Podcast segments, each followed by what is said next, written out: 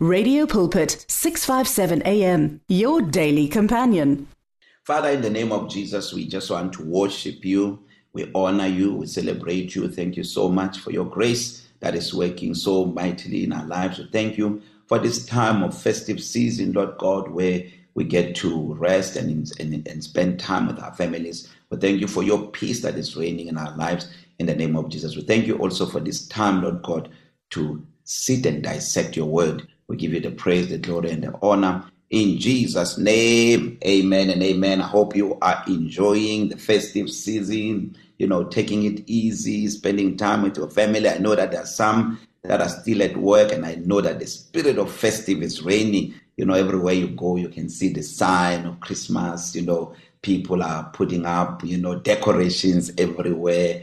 Is the season that we love because this season points us to the Lord Jesus Christ. So, we are talking about all things touching the events of the last days, and um, we have been using as our theme text uh, the book of First John, chapter 2, verse 18, which tells us that it is the last hour. The Apostle John clearly tells us there that it is the last hour and that the the Antichrist is coming, and we know that it is the last hour because many Antichrists have come. And then when you read verse 8, 19, it tells us that we know that this is the last hour. Um, that they, they, they, they, they went from from us because they were not of us. If they were of us, they would have continued with us, but they went out from us that they were their works may be made manifest that they were not of us. So I have been saying that you know it's very important for us to understand the mission of the of the Antichrist. We know that you and I will never meet the Antichrist because for as long as we are born again, we are on fire for God, we are ready for the coming of the Lord Jesus, and when that trumpet call sound, we are going to hear the voice of God and we shall be taken up. I'm looking forward to that. You know, me, I am pro life. I really believe in life. I don't think of death. I don't fear death. I don't think I will die because, you know, there is no scripture, in fact, that tells us that we are going to die. Here are the pastors that says, you know, all of us we're going to die one day. I do, I do not subscribe to that because the Apostle Paul did not see himself as a, a, a man who was going to die. If you look at First Thessalonians 4.16, the Apostle Paul says, uh, for the Lord will descend from heaven with a shout, with the voice of the archangel, and, and with the trumpet of God. The dead in Christ shall rise first. And then he says, We who are alive and remain shall be caught up together with those who have died in Christ in the clouds to meet the Lord in the air, and so shall we ever be with the Lord. So he, he includes himself among those who are alive and remain. And this is where I am. You know, I believe that you know if you if you believe you will not die. Um, we have seen so many people raptured. Um, um, Enoch lived uh, many, many, many, many um, uh, uh, decades ago, many, many, many years ago. He was never, he never saw death. He was raptured when the Lord Jesus Christ went to heaven. He did not go through the way of death. Remember, he died, he rose up, he came back to earth, and then he was raptured. The Bible in the book of Acts, chapter 1, pictures Jesus being taken up. And the Bible also shows us the two witnesses in the book of Revelations. They had a voice that says, Come up here, and it was taken up. Even John, John, when he wrote the book of Revelation, when he was in the island of Patmos, um, uh, he had a voice that says, Come up here, and it was, and it was raptured. I know that eventually he died a physical death, but he was raptured when he was shown the book of Revelation, he was caught into heaven and was in the throne of God. So this is not a mystery. For me, I I'm looking forward to the second coming of the Lord Jesus. I'm looking forward to that day when the apostle Paul talks about this in First Corinthians chapter 15 that our bodies will be transformed in a twinkle of an eye. I am looking forward to the transformation of my body. That is why even when I conduct weddings, I never say like uh, others say um, uh, for richer, for poor, in sickness and in health, you know, um, uh, and then and then there is this, this line uh, that say till death do us part. No, that is not scriptural. I tell you, that is not scriptural. I do not confess poverty. I do not confess sickness. I do not confess death. I do not speak this to, to, to, to the members of our church and those that uh, request me to conduct their marriages. I tell them till Jesus come for richer, for health, until Jesus comes. This is what I believe because when Jesus died on the cross, death, man, is no longer our portion. He didn't say, I came that you may have death. No, he says, the thief does not come but to kill, to steal, and to destroy. But I am come that you may have life and have it more abundantly. So I am a believer, a firm believer of life, and you will do well to do that. And since I embrace this mentality, let me tell you, nobody dies around me. Nobody. I've been a pastor now for about 13 years, pastoring a church. I've never conducted a funeral of a member because I always speak life to the members of our church and I always tell them, we don't die here. I remember one young man, he was hijacked. So when he was hijacked by, by, by thugs with, with guns and they drove him around, he says when he was in that boat, in that boat, he remembered that my pastor says nobody dies around him. And then he said, I am not going to die. No matter what happens, I'm not going to die. And guess what? Those guys released that man. And they with, with they uh, they don't know why they released him, but they released him and he walked away free. So believe in life, don't believe in death, don't fear death, believe in life.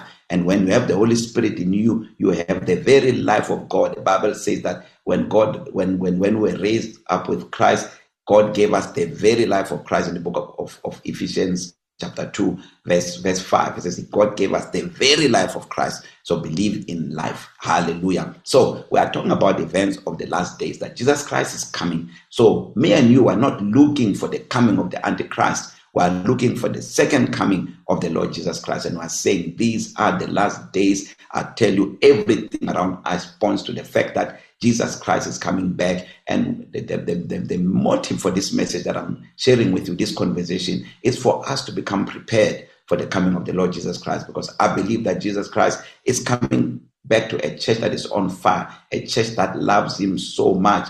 That is why Jesus talk about in Matthew chapter 25, we talk about the, the, the, the, the parable of the ten virgins that there were those who had their lights burning and there are those whose lights ran out. And when their voice cried out, um, they all woke up. And then um, were five virgins uh, who had their lamp, their lamps burning. They were ready to meet the bridegroom. But the other foolish ones, their light, their lamps went off. They were not ready to meet the, the, the, the bridegroom. So in these days we are living in, please be aware that Jesus Christ is coming back. Do not be caught up on the side of those that are lukewarm, those that Jesus said, uh, you know, to the church in Laodicea um, in the book of Revelation, chapter three, that he would, if he, he, wished they were hot or cold, because because they were neither they are neither hot or cold. He says, "I will vomit you out of my mouth." Me and you, we should not find ourselves on the side of vomit. We must find ourselves on the side of those that are on fire for God. So, First Timothy four verse 1 and 2 tell us something very important that I want us to sit on on on on, on this um, um, part that we are talking about on this um, um, episode of today. Um, it says now the Holy Spirit tells us clearly that in the last times some will turn away from the true faith. They will follow deceptive spirits and teachings that comes from demons. These people are hypocrites and liars, and their consciences are dead. This is the time more than ever before to sit under the right teaching that is inspired by the Holy Spirit, not teachings that are, are inspired by, by, by deceptive spirits. Now, I always say this that, you know, um, if you, as a Christian, you find yourself that you are relying only on what you are taught, but you never take time to for the Lord Himself to teach you. You know, you don't embrace First Corinthians 1, verse 9, which says that God is faithful, by whom we're called into fellowship with his Son. You will never get to know the Lord Jesus. Jesus must become revealed to you. That's why the Apostle Paul prays in the book of Ephesians, chapter 1, when you read, I think it's verse, verse 17. He, the Apostle Paul prays that God may um, uh, open the eyes of our understanding, flood our eyes with light, that we may we may come to the knowledge of the Lord Jesus Christ. It's so important that we become we become acquainted with the Lord Jesus Christ. We know Him firsthand. You know, we have an experience with Him. We know Him well, accurately, and intimately, so that when a false one is introduced to us, we are able to tell that this is not Him. we can hear his voice clearly. But if we find ourselves so consumed with the world, so much consumed with the activities of the world, remember uh, the Apostle John also tells us um, that um, we should not love the world and the things in the world. If anyone loves the world, the love of the Father is not in him. At the time that we are living in, we must become very, very clear in our relationship with the Lord, sit at his feet and be taught by him. You know, there's there's a message that I I, I see um, which applies to the time we're living in. Um, when Jesus in the book of Luke chapter 10 went into the house of Martha and Mary, Martha was so busy, very distracted, but Mary sat at his feet and she was listening to his teachings. Um, and Jesus tells Martha when Martha came to complain that Mary was not helping in the kitchen, Jesus says, Martha, you are troubled about many things, but one thing is necessary, one thing is needful. And Mary has chosen that good part, and that part will not be taken away from her. And then you see when Lazarus have died, their brother Lazarus have died. Jesus goes to meet with them, and Martha ran to Jesus, and Jesus tried to tell her, I am the resurrection of, of, of uh, and the life. And she doesn't want to hear that. And he says to her, Go call Mary.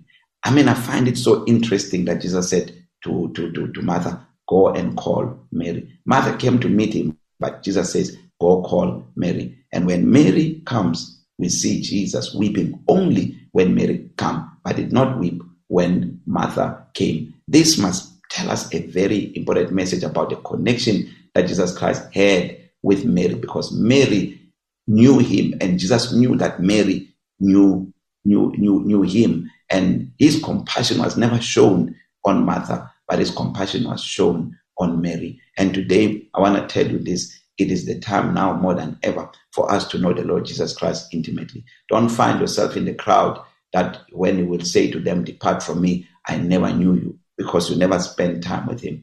As much as we listen to teachings, we listen to messages, we listen to sermons, if you do not know the Lord yourself, you will find yourself listening to teachings that are, are, are inspired by, by deceptive spirits, and you listening to teachings that come from demons. If a teaching does not point you to Christ, if a teaching does not ignite a fire and a passion in your heart, you know, for you to fall in love with Jesus, if, if the message does not point you to the cross and to the risen Christ. I tell you, some of these things that we hear that just inspire us to go out there and be busy with life, you know, to be more prideful, to be more greedy, you know, to be all over the place, but we don't sit and be taught. Be a believer that sits and be taught. Remember, verse 2 of second of first Timothy 4 tells us that in these last days, many, many people's consciences are going to die. Don't find yourself that the Lord is speaking, but you can't hear him because it is the last days now. Look at what is happening. Internet is so high. Stuff that plays on television. There's never been a time where people are so busy than now. People are going to and fro. This was prophesied even in the book of Daniel that people will go to and fro. They will, the, the movements that are taking place. Like now, look at the movements that are taking place. Find, find that place of calmness Find that place where you fellowship with the Lord. Find that place of prayer. Find that place of intimacy with the Lord. Find that place of delighting in the Word of God. Find that place of reading the Word of God so that you can grow, so that you grow and, you know, from teachings that are inspired by the Holy Spirit, not teachings that are inspired by demons. So for today, uh, my encouragement for you, be aware Jesus Christ is coming back very soon, sooner than we think.